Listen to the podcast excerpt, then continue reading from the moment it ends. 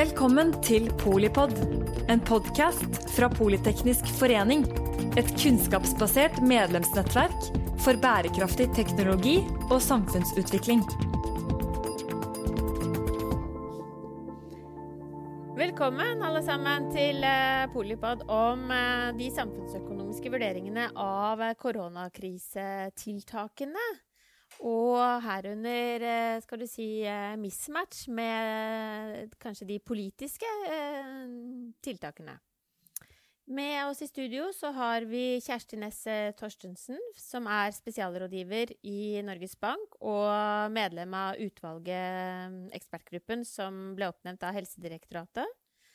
Vi har med oss Simen Markussen, som er seniorforsker og nestleder ved Frisch-senteret. Vi har med Espen Henriksen, som er uh, førsteamanuensis ved Institutt for finans uh, på BI.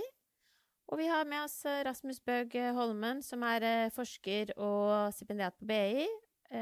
Forsker ved TØI. Og som er da den femte samfunnsøkonomen i rommet. Generalsekretær i Politeknisk forening. Men Kjersti, få høre litt. Du har sittet i utvalget. Altså, hva gjorde dere, og hva gjorde dere ikke, og hvorfor? Eh, ja. Eh, når det ganske kort tid etter at det hadde smelt som verst i mars, så ble det um, satt ned et utvalg eh, for å se på hvilken strategi man burde velge. Om man burde bremse viruset um, og la smitten gå sin uh, gang og sørge for at de økonomiske konsekvensene kanskje blir litt mindre. Eller om man skulle følge den linjen som regjeringen hadde lagt opp til, og slå ned uh, viruset og ha ganske omfattende smitteverntiltak. Så vi hadde om lag en uke på å lage en rapport som analyserte alle sider ved det, og kom med et råd om en strategi.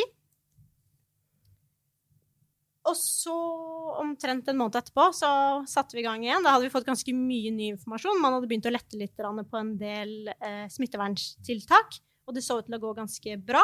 Så da ble vi bedt om å gjøre en ny vurdering av hvilken strategi man burde velge. I tillegg så ble vi bedt om å eh, analysere de økonomiske tiltakene som var iverksatt mot bedrifter og husholdninger. Eh, og se på om det eventuelt burde være andre virkemidler som skulle brukes. Hva fant dere da, sånn kort eh...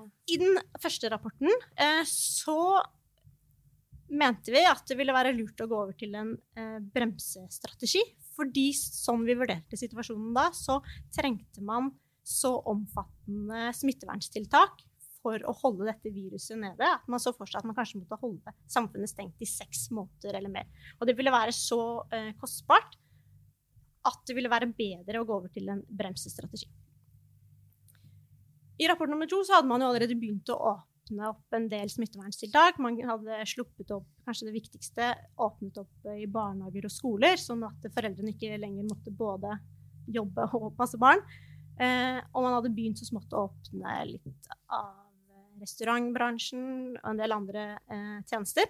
Og man så at det gikk ganske bra. Så da gjorde vi en oppdatert vurdering og fant ut at det beste var for å, å gå for en slå ned-strategi eh, når det var mulig med mildere tiltak. Var det også basert på hva man da hadde lært om immunitet og Gjennom hele denne prosessen ja. så var det ganske eh, stor eh, usikkerhet om immunitet, egentlig. Så det, det, endret seg fra dag til dag med møte. Vi hadde jo også i ekspertutvalget så var det medlemmer som satt fra Folkehelseinstituttet. Eh, og andre med, med, kunnskap om dette. Og, og, dette oppdaterte seg hele tiden. Men vi, vi, fikk aldri Det så ut kanskje til å være litt eh, større sjanse for immunitet, men det var ikke det som var avgjørende for eh, konklusjonen. Hva syns dere da, sånn i etterkant, om um... Du, Espen, var jo tidlig ute med, uh, med kritikk av pakken i forhold til dette med at man har, hadde styrket permitteringsordningene og ikke gjorde som Danmark, der man ga lønnssubsidier, og også dette med at man man ga støtte til bedriftene som gikk uh, dårligst, men kanskje ikke de som gikk uh, nest dårligst? Ja. Men så la meg i og for seg ja, tre poeng til det du spør om, Rasmus. Så for det første så tror jeg Jeg vi forsøkte å legge vekt på at vi var veldig imponert over hvor raskt regjeringen faktisk handlet. Altså Det er veldig lett å sitte på et universitetskontor og kritisere, istedenfor da man faktisk måtte gjennomføre tiltak. Så dette var snarere hva vi forsøkte. Når du sier at vi kritiserte tidlig, så var det vel egentlig snarere å si hvordan bør vi tenke på disse problemstillingene når ting har roet seg? Litt mer sånn som nå, eller hva man da faktisk har gjort uh, over tid. Uh, andre poenget var vel at jeg tror som vi hadde i bakhodet som hva skal jeg si, mikrofunderte makroøkonomer var typisk hvis du har en tradisjonell makromodell, at dette er kanskje en nedgangskonjunktur som er veldig enkel. Enkel i gåseøynene. Beklager at jeg ikke kom frem på radio, men iallfall i, i to forstand, minst. Én er at vi eh, forstår hva som skjedde. Altså sånn, Vi vet hvordan den er skapt, i motsetning til finanskrisen f.eks. Og at vi da to vet ganske mye om mekanismene. Og det leder meg da over til det tredje poenget, for det er da egentlig hvordan er det vi tenker på dette. og at hva vi var veldig klare på, var at typisk sånn tradisjonell etterspørselsstimulans er fullstendig misforstått for en slik krise. At her treffer det, her er det Vi sier at noen ikke får lov til å jobbe overhodet. De tar ut deler av økonomien pga. smittefare. Hvordan bør vi da ta og um, gjøre det? da ikke sant, Å ha generell etterspørselsstimulans, altså gi folk som da eventuelt ikke har hatt inntektsbortfall, større kjøpekraft, det virker misforstått. Og da var det vi, det vi forsøkte å påpeke, var én, hvordan vi bør forsikre husholdninger, og to, hvordan vi ikke bør forsikre bedrifter som sådan, og ikke minst også gi bedrifter klare insentiver til å utnytte ressurser så godt som mulig, gitt de, gitt de smittehensyn vi var nødt til å altså Det var egentlig sånn en sånn metodologisk tilnærming. Et par ting om, eh, om disse Det er jo som du sier, Espen, at her gikk det jo, det er lett å sitte på et universitetskontor og å kritisere. Men dette, dette, gikk jo ekstremt fort. Alle var helt overvelda over det som skjedde. Men et par ting som jeg har tenkt på etterkant som jeg tenker kanskje var litt dumt, da, som gjorde, det var for det første at, vi, at man vedtok så sjenerøse permitteringsordninger. Eh, at det gjorde det så billig for bedriften å permittere. Eh, og at man gjorde det med en gang for alle. Jeg har full forståelse for at man trengte å gjøre det for alle de som var direkte ramma av smitteverntiltakene. Vi sa på en måte at en stor del av økonomien, frisører og mange andre, de fikk nærmest et yrkesforbud. Det er klart, Da må man ha en permitteringsordning på plass som gjør at eh, de kan kvitte seg med sine lønnskostnader på kort varsel. Men vi hadde ikke trengt å gjøre det for alle, har jeg tenkt i etterkant. i hvert fall. At, for at det som da skjedde, var at det rant altså inn ekstremt mange permitteringer på tre dager eller noe sånt, den helga der. Eh, og det var fra Én ting at det var mange frisører, men det var mye annet òg. Altså. Mange virksomheter som på ingen måte burde være ramma av denne koronakrisa, som kanskje jeg tror kanskje permitterte en slags sånn forebyggende permittering. Man sto foran en verden som var veldig usikker. Jeg tenkte her må vi bare redusere usikkerheten. Eller som kanskje var i en situasjon der de hadde litt overbemanning og tenkte at her var en fin anledning til å bli kvitt litt ansatte. Og der tror jeg liksom man, man burde hatt, hatt litt is i magen og sagt at okay, vi lager en umiddelbar ordning for de som er direkte ramma, og så tar vi oss en uke til. Tenke litt grundigere gjennom vilkårene for de som ikke er direkte ramma. Det tenker jeg kanskje hadde gått an å gjøre. Jeg tenker at litt, og Her ble det litt forsterket av den kompensasjonsordningen, mm. som var innrettet sånn at jo større omsetningssvikt du hadde, jo høyere kompensasjon eh, fikk du. Mm. Så bedriften hadde ingen insentiver til å prøve å beholde arbeidskraft for å holde det gående, tilpasse seg til smitteverntiltakene. Det var snarere tvert imot. Det var jo lønnsomt for de å, å prøve å kutte mest mulig. Kombinasjonen av de to ikke sant? Mm. det gjorde at det rant inn utrolig mange permitteringer på kort varsel. Som der jeg tenker at vi kanskje kunne unngått noen. da. Jeg tenker, litt for å sette, så jeg tror det var, jeg sjekket opp det, I mars på én uke så var det 142 000 eh, som registrerte seg som ledig. Og så kan man i på Når finanskrisen sto på som verst, så var det til sammen i økonomien ca. 80 000 ledig. Um, ja, vi, så det var helt enorme tall. Vi hadde over 400 000 søkere på det verste. ikke sant? For uh, du, dere i Frisch-senteret, Simen, dere, hadde også, dere også tidlig ute å, å studere uh, arbeidsmarkedkonsekvensene av eh, Ja, det, det som skjedde, var at vi, vi eh, og særlig, kanskje særlig primus motor, var min kollega Oddbjørn Råum, som, som satte i gang, fikk etablert et slags samarbeid med Nav og SSB om en, et slags hurtigspor for, eh, for eh, å få tilgang til søknadsdata, eller sånne meldekortdata, egentlig. Og søknadsdata, nei, søknadsdata og etter hvert meldekortdata fra Nav. Som gjorde at vi kunne studere hvor mange ledige vi hadde, hvem var det som var ledig, osv. Med ganske lite tidslag. da. Eh, Så vi fikk da helt ferske data på en mandag, kanskje, og så gikk vi ut med noen analyser på en torsdag. Nå er det verdt å si at altså, Analyser og analyser, Blom, for du har ikke så mye tid til å tenke deg om. så Det ble mye sånn deskriptiv statistikk. og sånn. Jeg, jeg tror kanskje det var litt nyttig likevel, for den situasjonen der vi ikke vi visste ikke hvem det var som var ledig. Vi visste ikke eh, hvordan dette så ut i det hele tatt. Så, så noe, noe nyttig tror jeg det var. Og det var ganske interessant å jobbe med. Jeg har aldri liksom aldri jobba med noe som ser i nærheten av så dramatisk ut da, som, som dette her. Intensivt. Ja. Men uh, hvis, nå har vi vært litt innom det som er av kanskje svakhetene i ordningene, sånn etterpåklokskapens lys. Øh, øh, hvordan burde man gjort det i stedet, tenker dere? Espen?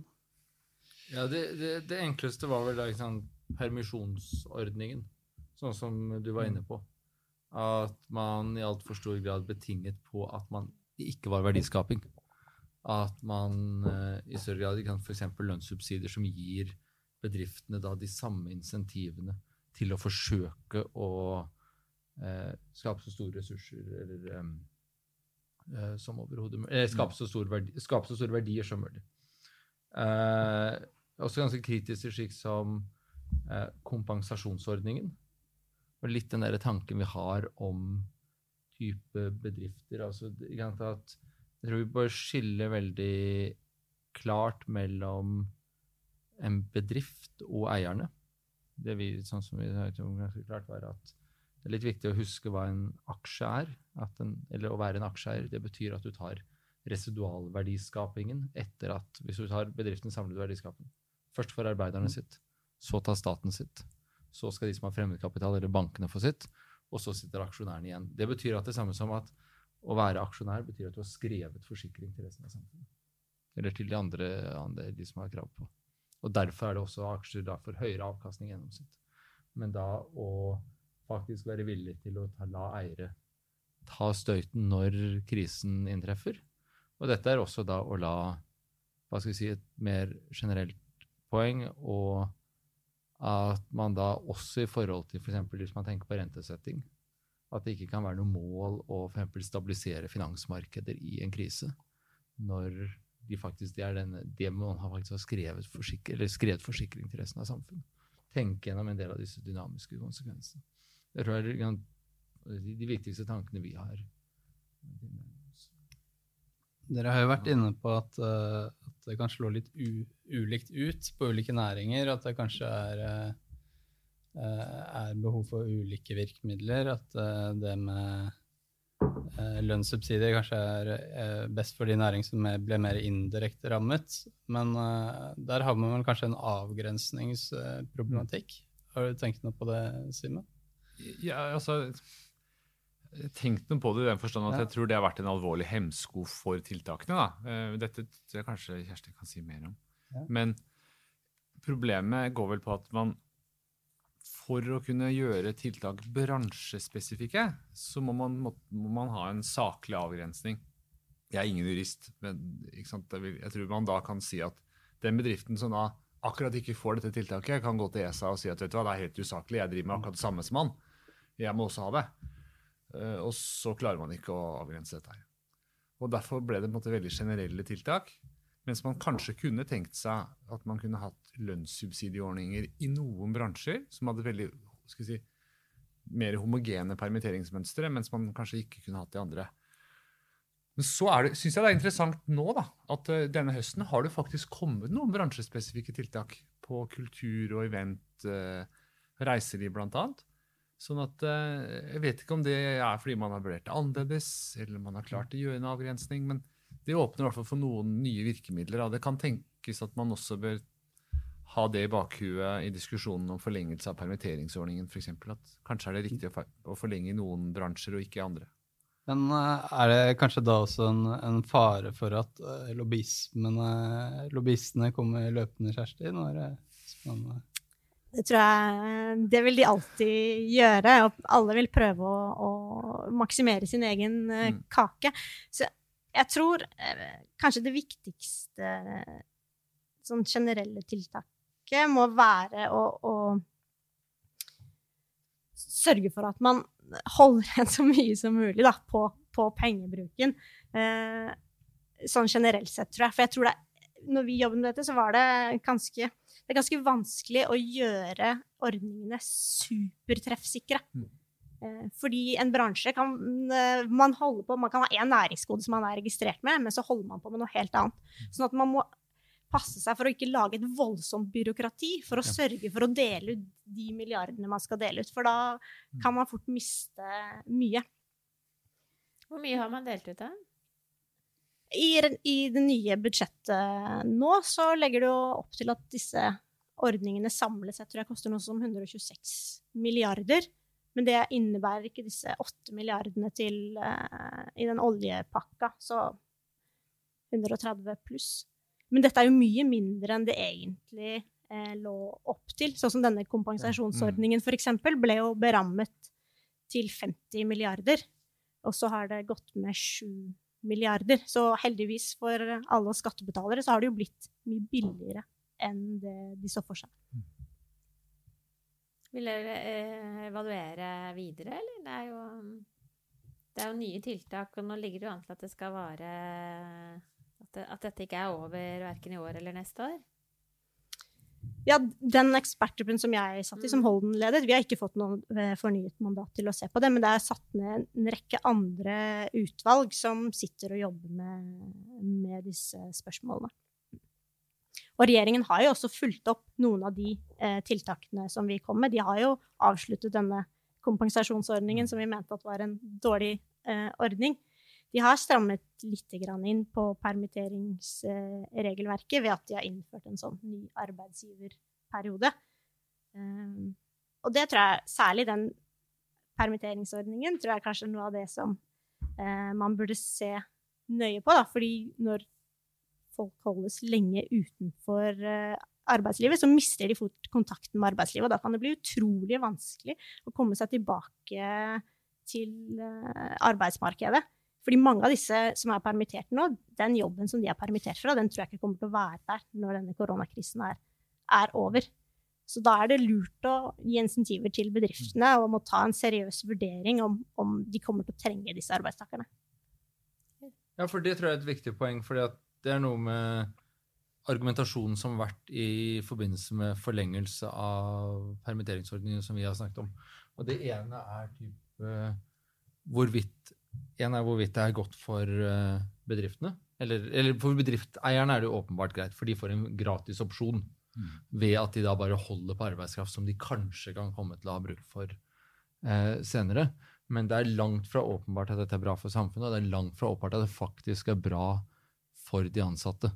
For det er nærmest en sånn eh, forventning, eller eh, implisitt forventning, at vi skal gå tilbake til akkurat den samme næringsstrukturen som vi hadde da i slutten av februar i år. Og da vil det være mye bedre for disse ansatte istedenfor å bli permittert, ha insentiver til å søke andre jobber, til å omskolere seg, eller hva det er, som gjør at de da kommer raskest mulig tilbake i en god jobb. Altså de personlige, ja, jeg, er, helt- jeg er helt enig, jeg er helt enig, men for, å være litt kranglete også. Ja, Ins- ins- Insentivene til å søke seg ut i andre jobber er jo der selv om du er permittert.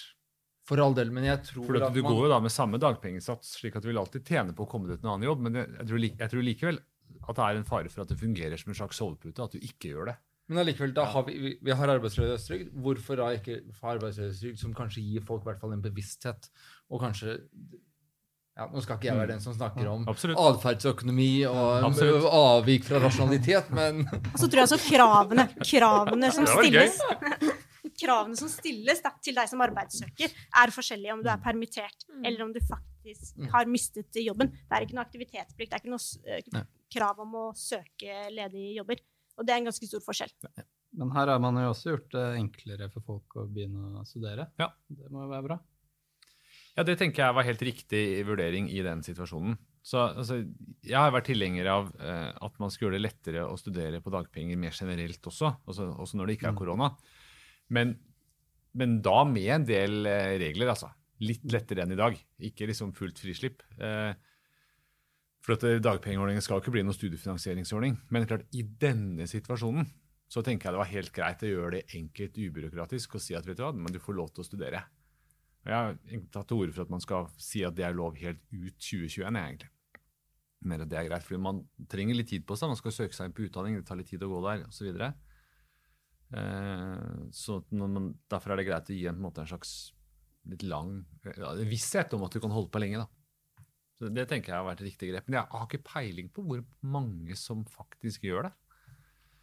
Er det noen som vet det? Eller hvilken aldersgruppe de er. Det er noe med livslang læring også. Det går noen andre trender da, i forhold til digitalisering, i forhold til uh, forgrønning, ikke sant? i forhold til, til uh, geopolitiske maktskifter. Og, og den, så vidt jeg har forstått, så går den eh, studiestøtten mer eh, mot unge, og ikke nødvendigvis kanskje de som faktisk eh, ikke har en jobb å komme tilbake til i, etter korona. Men hvordan er det bakt inn? De andre liksom, hovedtrendene? Er det, er det gjort noe forsøk på å treffe med tiltak som gjør oss bedre i stand til eh, altså, tilsvarende Green Deal da, i EU, eller gjør oss bedre i stand til em, til å være skal du si, en digital stormakt? Jeg kjenner ikke til noen tiltak som er gjort spesifikt eh, på det, nei. Jeg skal innrømme at det jeg heller tenkte på, er jo dette her om dette her, eller koronakrisen og liksom Netflix-øyeblikket til høyere utdanning. At vi faktisk Ja. ser at høyere utdanning kommer til å se veldig annerledes ut når vi kommer gjennom dette. Det kan hende. Ja. Det er ganske interessant. Ja, er. Men jeg tror litt av utfordringen her er jo at Nav har jo mer enn nok å gjøre med å prøve å betale ut penger. Sånn at hvem er det som sitter der og sørger for at disse som er permitterte, får den informasjonen de trenger, får den veiledningen de trenger? Det tror jeg kanskje Der eh, er det nok eh, litt eh, rom for forbedring. Sånn at de faktisk får brukt de mulighetene som er der. Det tror jeg realistisk sett kanskje er slem nå, men det tror jeg ikke de Nav gjør i det hele tatt. Jeg tror ikke de har mulighet til det med det volumet. De har hatt mer enn nok med saksbehandling. Eh, Men derfor har det også vært viktig å, altså For man har jo fra før av muligheter i Nav til å få deltakelse i utdanning som et tiltak. Det vil da kreve at en saksbehandler går inn for det osv. Mens dette har jo vært gjort som en rettighet. Slik at det har vært måte et frislipp der du ikke trenger å involvere Nav, trenger ikke fortelle dem det hele tatt, du kan bare delta. Eh, og det tror jeg har vært eh, riktig. Så kan du lure på vet, vet man om det? Det er Ja. en annen sak. Jeg tenker Et annet sentralt perspektiv her, det er det med alder. Fordi en del bedrifter har jo eh, på en måte eh, lagt ned forbud for, eh, for de over 60 år å reise så mye rundt til kunder og, og styre og herje, mens eh, unge da kanskje at de blir langt, eh, langtidsledige såpass tidlig, og at det er en sånn lang periode hvor de ikke kommer, eh, kommer i arbeid, kan være ganske uheldig. Da. Og da kan jo som, som den studieordning f.eks. være et mottiltak. Absolutt. Altså, vi har jo nå holdt på de siste ukene og prøvd å analysere litt data der vi kan følge Nav-ledige ut, eh, ut august. Så vi har fått liksom, kommer nå med en litt sånn oppdatert koronastatistikk. da. Og, og, og det vi ser nå, er jo at det har, bildet har endret seg en del fra sånn som det var i mars, altså når vi hadde over 400 000 ledige. Da var det jo veldig preget av de bransjene som da var hardt ramma. Og det var bransjer der det jobba veldig mye unge folk. Um, det er jo en del av de bransjene som henger igjen fortsatt, særlig som reiseliv og sånn. Men sånn som dette med denne aldersprofilen der det stort sett var unge som var koronaramma, er kanskje endra seg litt. De er ikke så overrepresentert lenger. Eh, Og vi ser at eh, ser særlig nå de som eh, fortsatt er ledige, der er mye av folk med innvandrerbakgrunn, med svakere inntektshistorikk. Vi ser som at gruppen sånn har kanskje blitt det vi økonometrikere kanskje vil kalle det sånn, blitt stadig mer negativt selektert. Da. De som er igjen og er ledige. Eh, og som jo er bekymringsfullt på den måten. Og det er sant, stadig flere som ikke har høyere andel som ikke har fullført videregående skole, f.eks. Eh, De har de kjennetegnene som gjør at det er vanskelig å fase dem inn igjen. De har de kjennetegnene som gjør at vi kan forvente at de kanskje sliter mer med å komme inn igjen. Ja. Det vil jeg si. Så denne bekymringen ikke sant, som ble tatt opp her om at den virkelige kostnaden av dette, den ser vi jo når sysselsettingsratene permanent blir lavere som følge av dette. Den tenker jeg det er, er en grunn til å ha den bekymringen. Det er, jeg tror det er en veldig god investering å gjøre mye nå for å prøve å få mm, så mange som mulig tilbake i jobb. Ja, det er mange milliarder som eh, kan renne ut da, i tapt produksjonskapasitet ja. fremover, Ja. fordi at eh, sysselsettingsandelen faller. Og den kostnaden varer jo, ikke sant, den påløper jo hvert år. I mange, mange år. Nå har vi så heldig at vi skal få finansministeren her eh, neste uke, da. Så dere kan jo rett og slett få gi noen eh, gode råd. Det er jo eh, Norges vei ut av krisen, hans eh, tema. Det er jo ikke bare koronakrisen, men det er også unna klimakrisen. Ha- Vil dere skyte fra hofta i forhold til hva Hva vil være de viktigste tiltakene fra en samfunnsøkonoms eh, lærebok? Jeg tror det å, som jeg har vært innom her flere ganger, å sørge for at eh, man får ned arbeidsledigheten og får flere ut i jobb, eventuelt at de får tatt utdanning som gjør de bedre rusta til å, å komme seg inn på arbeidsmarkedet når økonomien eh, tar seg opp. Det vil være den viktigste investeringen eh, man kan gjøre. For å være litt mer spesifikk på det, da, så tror jeg vi da trenger å eh, Vi må være, prøve å stå imot forlengelse av permitteringsordningen generelt, og heller tillate det for noen bransjer. Eh, vi må gi mye mer ressurser til Nav for å klare å drive oppfølging. For at det, realistisk sett så er det vanskelig med det volumet de har nå eh, av brukere. Så de trenger mye mer ressurser.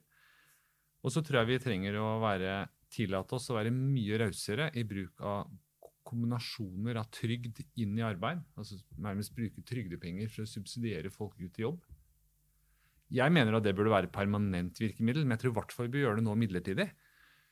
For å unngå at for mange av de som nå er ledige, ender opp på varige stønadsordninger eh, som de ikke kommer tilbake fra.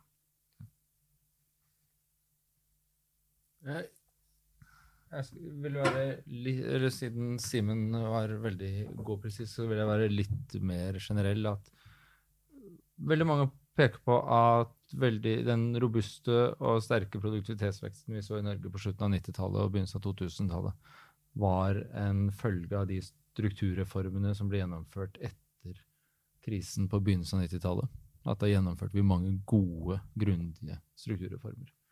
Eh, nå med et stort fond så er det vanskeligere å få den samme kriseforståelsen. Men at man i den situasjonen som er nå, kan få stor arbeidsledighet, kanskje kan få en type kriseforståelse for det. At, og at løsningen ikke nødvendigvis er mer pengebruk, men å tenke grundig på strukturelle arbeidsmarkedsreformer eh, for å, eh, som vi sa, igjen som både Kjersti og Simen har snakket om, å få folk ut i arbeid. Så igjen, liksom, ikke tenk på dette som et konjunkturtiltak, men som gode strukturtiltak og langsiktige tiltak. Og så må jeg få lov til å nevne én ting til når du spurte om finansministeren, og det er en kjepphest. Og det er at når vi ser på oljepengebruken nå, så har vi brukt veldig Eller hva er det, bruker omtrent 470 milliarder hvis vi ikke strukturjusterer i år. 300, nei, 370 til neste år i budsjettet. Men at dette er faktisk relativt lite i forhold til den finansielle risikoen som er. Sånn at vi har byttet ut eh, oljerisiko med finansiell risiko. Og så har vi bare vært fantastisk heldige de siste ti årene med bare stigende børskurser. Men allikevel å da forberede oss på den Hvordan kan vi greie å få gode tverrpolitiske løsninger, beholde handlingsregelen, også om fondet skulle falle 30 og 40% som er høyst realistiske scenario? Altså. Forhåpentligvis gjør det ikke det. Det er derfor vi bør ha høy, fortsatt ha, ha en høy aksjeandel. Men vi kan ha det bare hvis vi da er forberedt på også, dersom vi får noen dårlige trekninger. Jeg tenker at uh, ytterligere råd, hvis jeg skal supplere alle de gode rådene som er gitt, det er jo at uh, man, uh, man justerer kursen litt etter vei underveis som det kommer ny kunnskap. Og det er ikke vår, vi som samfunnsøkonomer, det er ikke vår oppgave å ha å sette målene, men vi kan hjelpe til med å, å gi råd om hvordan virkemidler bør, bør utformes eh, best mulig. Og så er det også eh, siste vars- varsel er jo at man alltid i slike situasjoner må være litt varsom eh, når næringsorganisasjoner og lobbyister kommer og, eh, ber om mer penger. Da. Eh, For eksempel så var det jo en del professorer fra Universitetet i Oslo som gikk hardt ut når denne pakken mot eh, oljeindustrien ble vedtatt, og at eh, den gir for sterke eh, inve- investeringsinsentiver i forhold til hva som er samfunnsøkonomisk eh, lønnsomt. Og, det, og slike henvendelser vil sikkert komme i fremtiden også. Kjør løs. Har jeg lov til å si noe mer? Ja, for det, jeg bare, det siste Rasmus sa for at jeg bare, Med all respekt for de som skrev dette innlegget om oljeskatten. Og jeg vet ikke hva svaret er, men det er to poeng som jeg tror er viktige. Og det ene var sånn som da dette klimarisikoutvalget som ble ledet av Martin Skanke, som påpekte at antagelig så er det for lavt investeringsnivå, eller at eh, det er en uh, for høyt avkastningskrav på investering i Nordsjøen. Og at det egentlig er litt paradoksalt, gitt modellene hvordan vi som samfunnsøkonomer vanligvis tenker på grunnrentebeskatning, for da skulle det ikke vært så høyt. Sånn at med den reformen av oljeskatten så kan det være at man trekker det nærmere. Jeg vet ikke hva svaret er, men det, er, det, det virker som utgangspunktet til de åtte var at det var riktig nivå på avkastningskrav i dag. Det er ikke helt klart. Og det andre var dette i forhold til omstilling, om vi trenger å omstille Nordsjøen, og at fremragende samfunnsøkonomer, slik som f.eks. Per Krusell i Sverige, har argumentert for at skal vi løse klimakrisen, er det faktisk kull, og bare kull, som er helt nødvendig å få faset ut. Og at f.eks. olje fra Nordsjøen har relativt høyt energinivå i forhold til CO2-utslipp. Dette er igjen ting jeg ikke vet, men iallfall det er litt å si, som tar det mot den konklusjonen de presenterte. Nei, det er jo, det er jo kompleks materie. Du har oljemyggordningen som eh, gir eh, eh, skattefritak for de bedriftene som ikke har kommet ordentlig i gang, og du har friinntekten, som vel var en, en del ting de har vært borti. Men, eh, men det generelle var egentlig Mitt poeng var det næringsperspektivet, at næringslobbyisme er noe man må være på vakt etter. Ja, For all del. Men jeg har én ting til. Og siden du snakket om at finansministeren kommer her, og det er litt nå i forhold til da endringen av oljeskatten, det er at hvordan vi rapporterer det. For det er noe som slår meg. Fordi at Måten vi rapporterer budsjettunderskudd At vi sier at det er oljekorrigert strukturell, eh, strukturelt uh, budsjettunderskudd. Dette er egentlig flott at vi gjør det på den måten. Uh, for det betyr at vi Pengene som kommer, alle oljeskatt, det går rett inn i oljefondet. Derfor så så er det uttrykket her. Og så er det strukturelt. Det betyr at vi konjunkturjusterer. Det siste som egentlig har påpekt, akkurat hvordan vi konjunkturjusterer, det er kanskje en litt stor svart boks. Men iallfall det som er i forhold til oljeskatten her, er at nå, det betyr nå at når man da gjennomførte denne endringen i skatteregimet, så betyr det mindre penger inn i oljefondet. Men det betyr at de kommer allikevel på denne oljekorrigeringen. Slik at det synes ikke på samme måte som om vi f.eks. Ja, som Simen har endret formuesskatt, eller om de hadde inntektsbeskatningen for oss, så ville det synes med en gang på det tallet vi vanligvis diskuterer i det offentlige. Hva er budsjettunderskuddet? Mens denne oljekorrigeringen det kommer først da hvis du går inn og ser på hvordan oljekorrigeringen skjer. Og det kunne av hensyn til offentlig debatt og i forhold til hvordan vi tenker på dette, kommet mye klarere frem. Hva koster det, Hvor, eh, og hvordan påvirker det budsjettbalansen? Et siste godt råd fra Espen der, altså. Ja. En vi jo- teknisk kjepphest, ja. Vi har jo da her i Politeknisk forening et eh, fromt ønske om å nå ut med fagkunnskap eh, som en slags folkeopplysning. Nå vet vi litt mer om eh, de samfunnsøkonomiske problemstillingene og mulighetene, vil jeg si.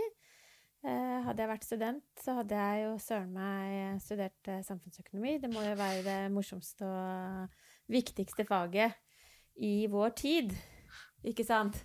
Jo, Åpenbart, ja, ja. Det er bra. Tusen takk, eh, Kjersti Nesse Torstensen, spesialrådgiver i Norges Bank og utvalgsmedlem.